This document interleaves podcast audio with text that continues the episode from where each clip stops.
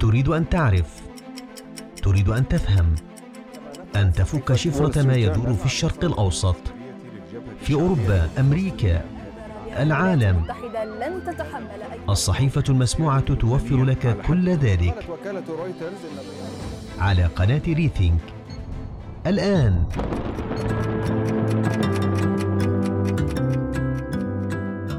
تحية لكم من الصحيفة المسموعة. معكم نوزة الصواش في حلقة اليوم تستمعون إلى مجموعة من أفضل مقالات الرأي المنشورة في الصحافة العربية والعالمية والتي تساعدكم على فهم ما يدور في العالم من أحداث وتطورات بعمق ووضوح.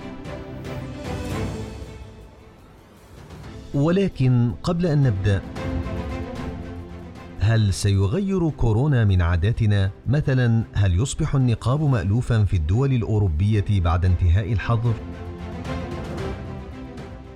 بدأت بعض الدول تخفف من تدابيرها المفروضة على مواطنيها بسبب فيروس كورونا، فهل سينجح الناس في العودة إلى حياتهم الطبيعية بسهولة ودون خسائر؟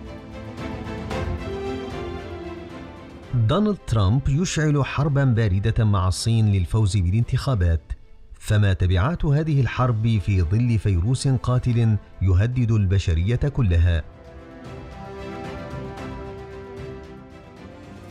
هذه وأمثالها من التساؤلات تجدون إجابات لها في المقالات التي سنقرأها عليكم اليوم فلنبدأ المشوار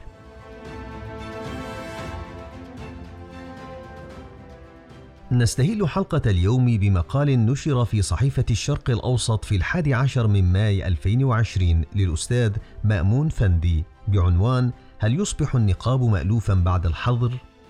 فإليكم ما جاء في المقال.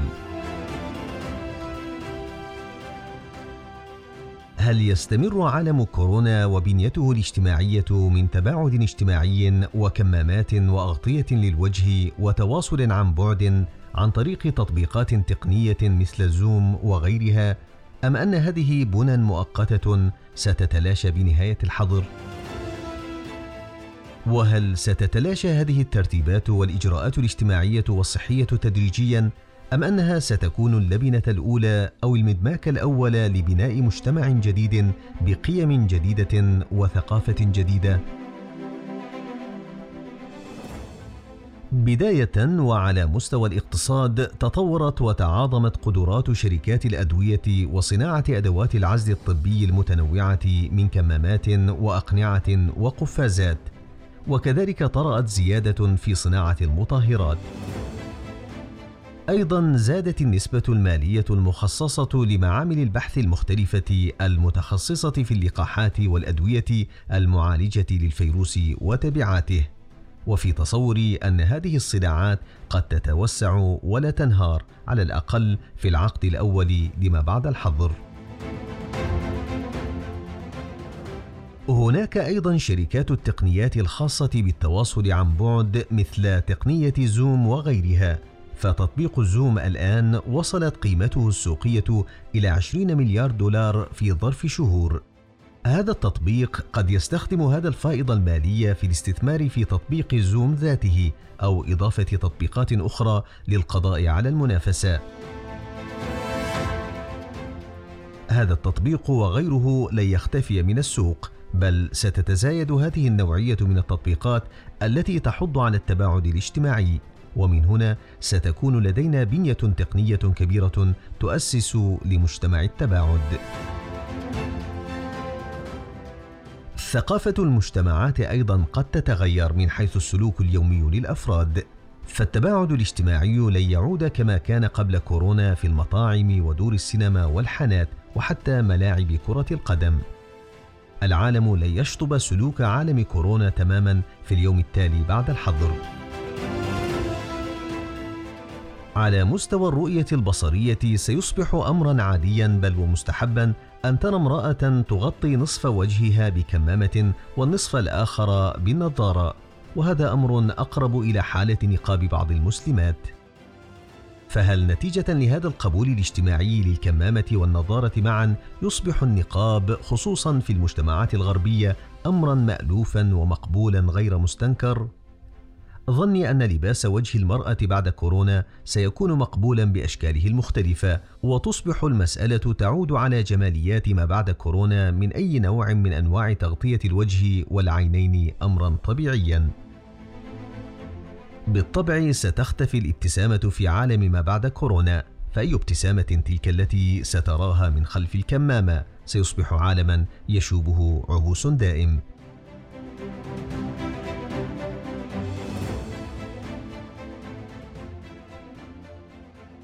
أدوات عصر كورونا كلها لن تنتهي كممارسات بانتهاء الحظر أو حتى بانتهاء الفيروس فستبقى معنا لفترة وبهذا يصبح ومن هذه الزاوية تحديدا عالم ما بعد كورونا غير عالم ما قبلها. لن تكون سلوكيات الناس في فترة كورونا مجرد فاصل إعلاني في التاريخ البشري على الأقل على مستوى السلوكيات اليومية للأفراد. فستبقى كثير من الممارسات موجودة بعد نهاية الحظر. سيوصم التاريخ البشري ولفترة بسلوكيات عام كورونا. هناك أسئلة أخرى كثيرة فيما يخص مستقبل السياحة والفنادق. فقليل من الناس قد يثق بإجراءات تعقيم الغرف في الفنادق. وقد تتغير كل ممارسات الفنادق بحيث يكون لمس الأشياء من مفتاح الغرفة إلى خدمات الغرفة والمطاعم في الحدود الدنيا. وربما لا تستطيع الفنادق تلبية متطلبات الضيوف في إطار التعقيم وخلافه. وربما هذا يؤدي إلى انهيار اقتصاد الضيافة والترفيه على الأقل في العام الأول بعد الحظر. بالطبع هناك أسئلة أخرى تخص سلوكيات الجيوش. فمثلا عمليات إرسال جيوش أمريكية إلى منطقتنا أو سحب جيوش منها ستكون شديدة التعقيد. ومن هنا يمكن القول بأن ممارسات العام الأول بعد كورونا قد تؤسس لرؤية جديدة على مستوى السياسة والاقتصاد وجماليه الرؤية بما فيها وجه الإنسان وابتسامته في عالم ما بعد كورونا. لن تكون هناك عودة إلى القديم، فلا يمكن أن نتحرك في 2020 مرتين. الزمن يتغير ومعه تتغير عاداتنا، وما كان غير مألوف قبل كورونا سيكون مألوفا بعدها. ابتسموا ولو خلف حجاب أو كمامة، وكونوا بأمان.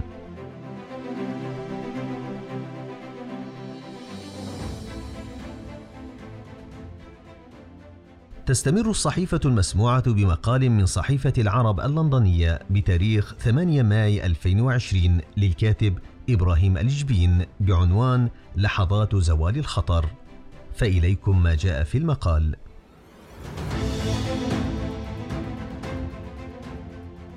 شرعت ألمانيا ومعها العديد من الدول في الرفع التدريجي والمتسارع لكافة الإجراءات الاحترازية التي اتخذتها بعد انتشار الهلع من فيروس كورونا القاتل.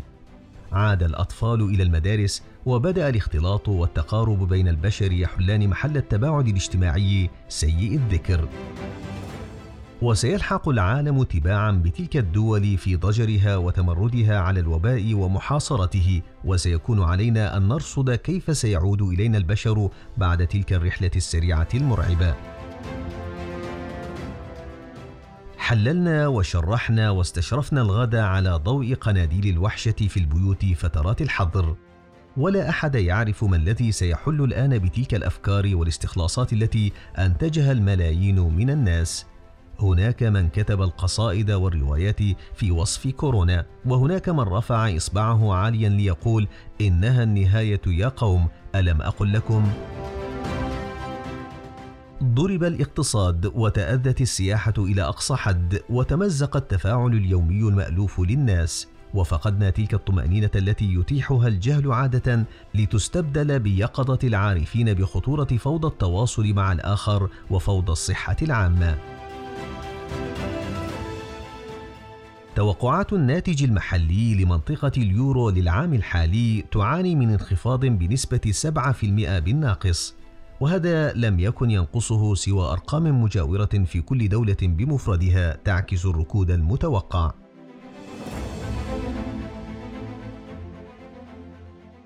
نعم لكن لم يكن شيء أجمل من فرح البشر بإطلاق سراحهم والعودة السريعة إلى الانخراط في الحياة. أي شكل من أشكال الحياة لا يهم.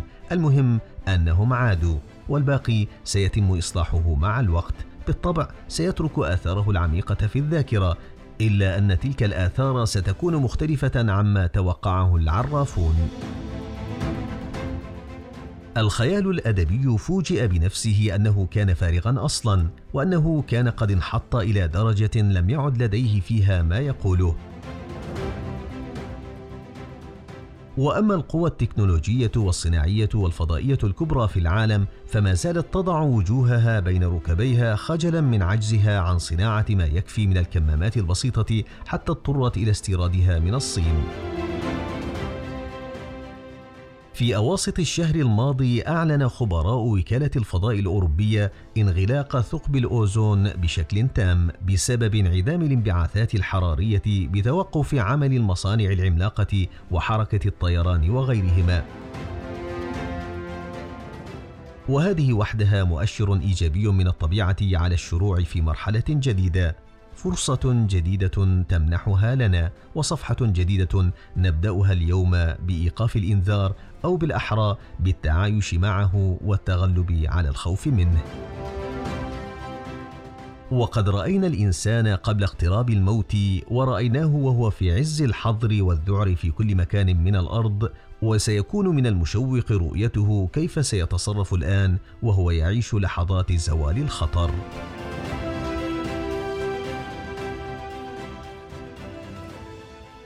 نواصل حلقة اليوم بمقال نشر في صحيفة الوطن المصرية في 5 ماي 2020 للكاتب محمد صلاح البدري بعنوان أزمة كورونا ومحاور العودة للحياة. فإليكم ما جاء في المقال.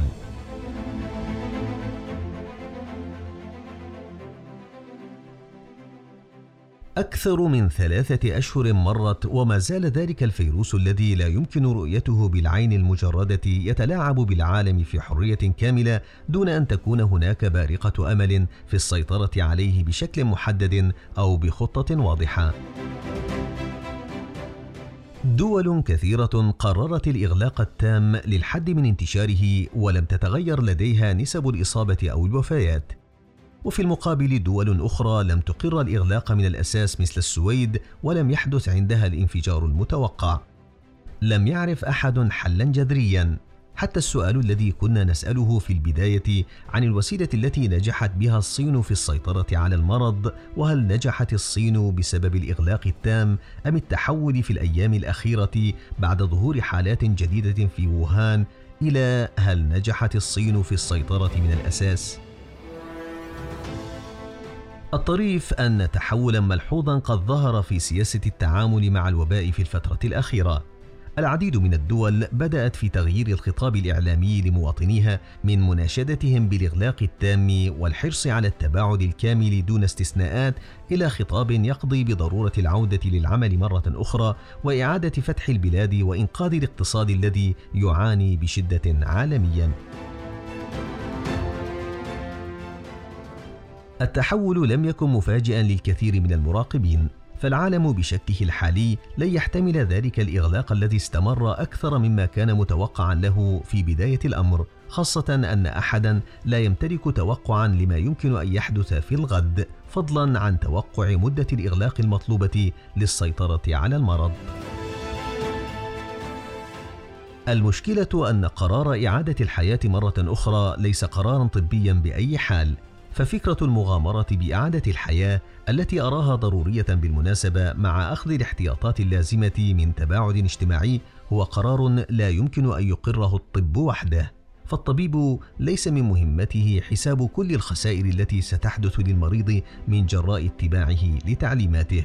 هو فقط يقدم نصيحته الطبية ويذهب ليبقى القرار بيد المريض وحده.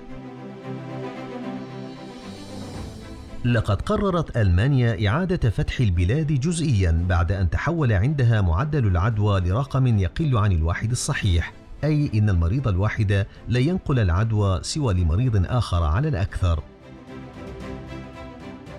ودول أخرى قررت العودة حين وصل معدل العدوى عندها لأرقام أعلى بقليل وهي معدلات يمكن السيطرة عليها بالتباعد الاجتماعي دون إغلاق كامل.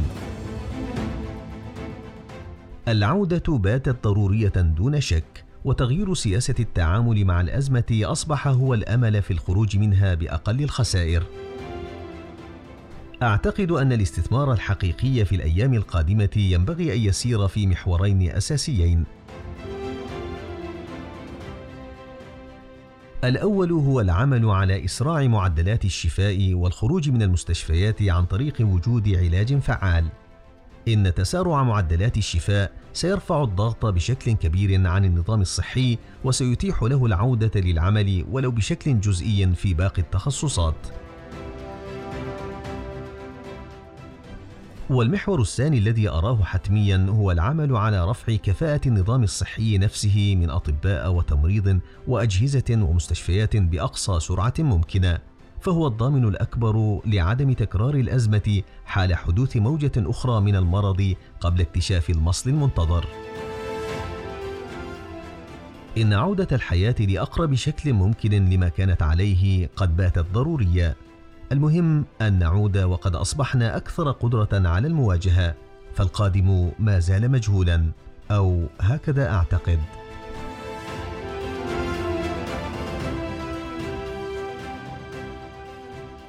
يأتيكم المقال الرابع من صحيفة The Independent البريطانية وقد نشر بتاريخ 10 ماي 2020 للكاتب باتريك كوبرين بعنوان دونالد ترامب يشعل حربا باردة مع الصين للفوز بالانتخابات فإليكم ما جاء في المقال.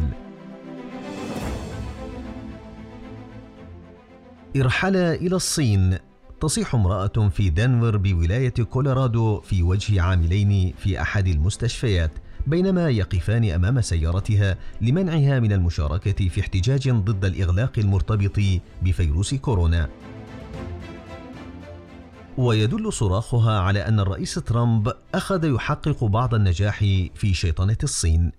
فهو يقول إنه على درجة عالية من الثقة بأن الفيروس القاتل قد تسرب من مختبر في ووهان على الرغم من أنه لا يستطيع الكشف عن مصدر معلوماته. ويعتبر مستوى الكذب الذي يصدر من ترامب أعلى بكثير من ذلك الذي استخدم للترويج لحرب العراق بالادعاء أن صدام حسين كان يمتلك أسلحة دمار شامل.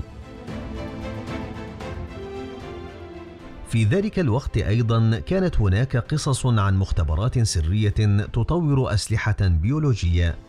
وعلى الرغم من تخلص ترامب من رؤساء الاستخبارات الأمريكية وإحلال أنصاره في محلهم لم يقتنع هؤلاء الجدد بنظرية المؤامرة التي اختلقها حديثا.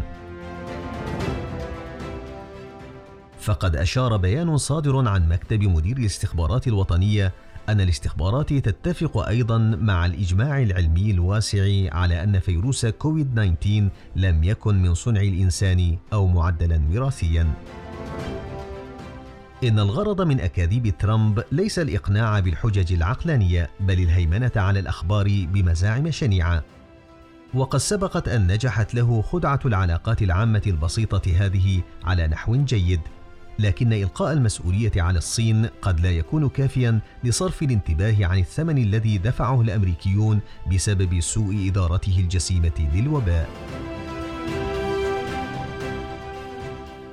وعلى الرغم من فجاجة هذه الاستراتيجية فقد تنجح شيطنة الصين وتصويرها باعتبارها الخطر الأصفر يوم الانتخاب.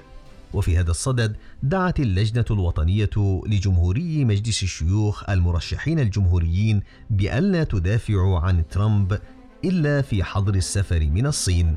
هاجم الصين.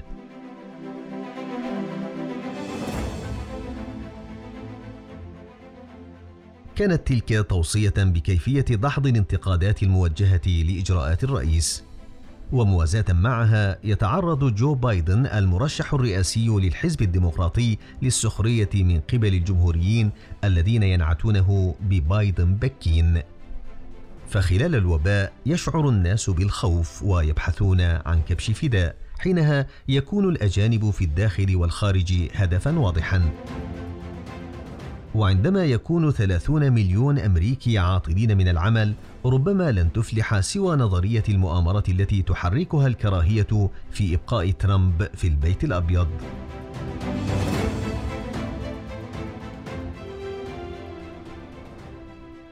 الكثير من أولئك الذين استخدموا أسلحة الدمار الشامل ذريعة لشن حرب طاحنة ضد العراق في عام 2003 هم نفس الأشخاص الذين يروجون اليوم لحرب باردة ضد الصين. وينطوي نهج ترامب على درجة غير عادية من انعدام الإحساس بالمسؤولية حيث يشن حربه الباردة ضد الصين في ظل الحاجة لتكاتف الجهد الطبي والاقتصادي العالمي لمواجهة فيروس انتشر من طاجيكستان إلى أعالي الأمازون ولا يمكن قمعه أو احتواؤه إلا من خلال إجراءات دولية. لقد بدأت الحرب الباردة الجديدة ضد الصين تكتسب زخما خلال الفترة ما قبل الجائحة وكانت المؤسسات السياسية الغربية تتأرجح منذ فترة طويلة بين معارضة الصين كقوة عظمى منافسة والاستفادة منها كقوة اقتصادية ساعد توسعها الهائل وإن كان مدعوما بالديون على إخراج بقية العالم من الركود بعد عام 2008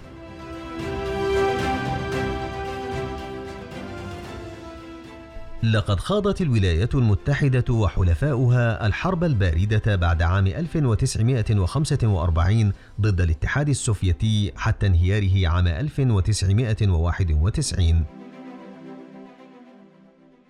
وتزامن ذلك الانهيار بعد الثورة الإسلامية عام 1979 مع حرب باردة ضد إيران والعراق اللتين تم تصويرهما بالتناوب على أنهما مصدر كل الشرور.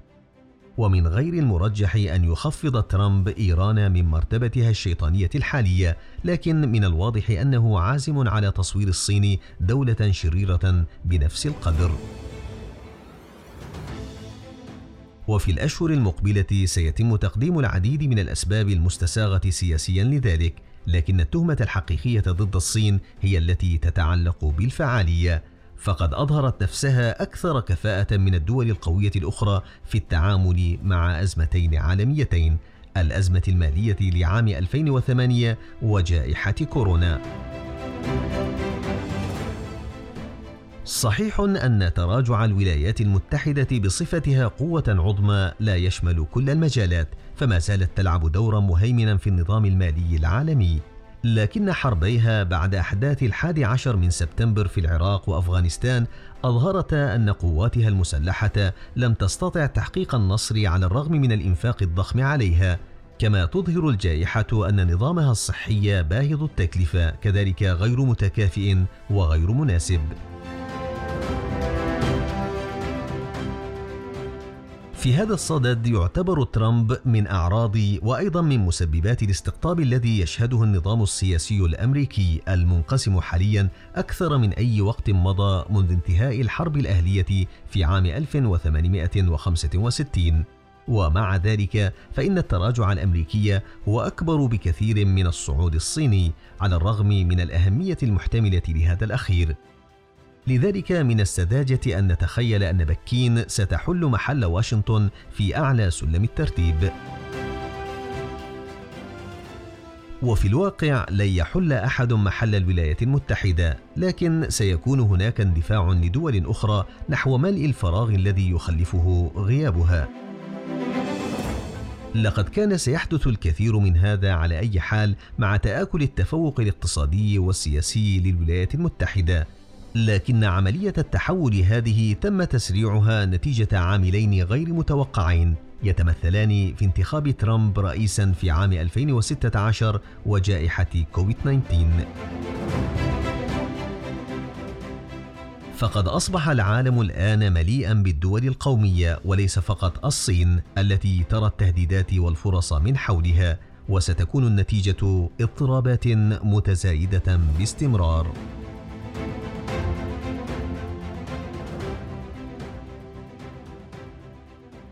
ونختم حلقة اليوم بمقال نشر في صحيفة الجزيرة السعودية في 10 ماي 2020 للكاتب محمد آل الشيخ بعنوان هل ينجح ترامب في عقاب الصين؟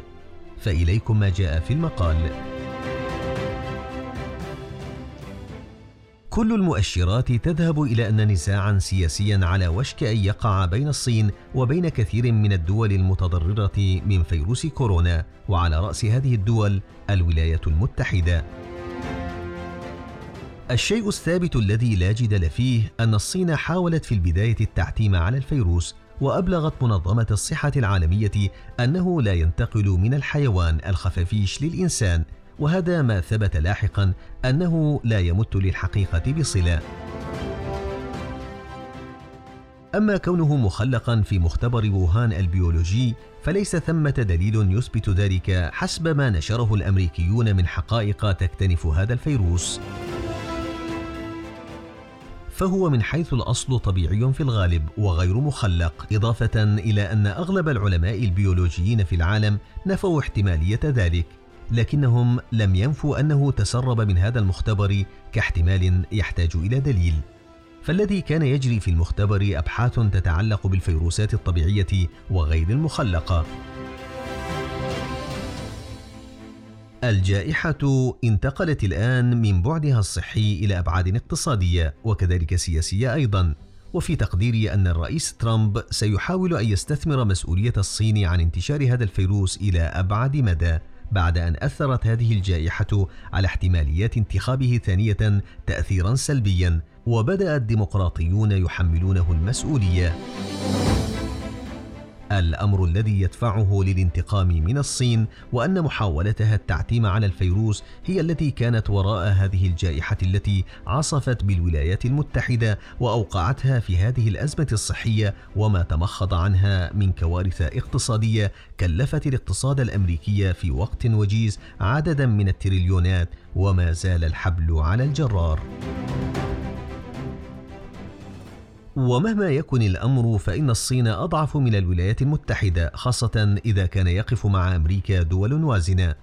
فالصينيون يعتمدون في اقتصادياتهم على تصدير السلع والخدمات خاصة إلى أمريكا والدول الغربية. وبالتالي فإن أي تعريفات جمركية يفرضها الغرب بما فيها أمريكا على الصين ستؤدي إلى خنق الاقتصاد الصيني أو على الأقل ستحد من نموه بشكل كبير ومؤثر. أضف إلى ذلك أن أغلب الأرصدة النقدية الصينية هي على هيئة سندات خزينة أمريكية وهذه السندات في مجموعها تناهز الأربعة تريليونات وفي حالة صدر حكم قضائي على الصين من إحدى المحاكم الأمريكية فإن هذه التريليونات قد تكون المصدر الذي منه يمكن تنفيذ الحكم. وآلية كهذه ستجعل الصينيين يدافعون بقوة عن اتهامهم بالمسؤولية عن الفيروس. ومن هنا يتمحور القلق الصيني في الموضوع. هناك نقطة تشغل صناع القرار في أمريكا وهي الورقة الأخطر التي تملكها الصين وتخيف الأمريكيين وهي ورقة كوريا الشمالية ورئيسها المندفع والمتهور. ففي تقديري أن الصين إذا شعرت بالاختناق والضغط ستحرك بطريق أو بأخرى هذا الغول الذي يتلقى تعليمات من الصين والذي يدرك الأمريكيون أنه متهور إلى درجة الجنون. بقي أن أقول إن العالم ينتظر تغيرات هيكلية في اقتصادياته لن تقتصر على العالم الغربي وإنما ستتضرر منها الصين ضررا بالغا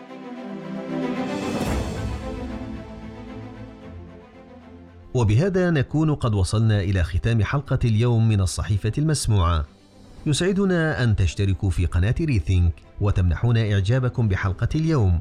وكذلك أن تشاركوا مقالاتنا المسموعة عبر شبكات التواصل الاجتماعية مع أصدقائكم. كما يسرنا تعليقاتكم وآراؤكم. ابقوا على اتصال دائم معنا. ابقوا بأمان. إلى اللقاء.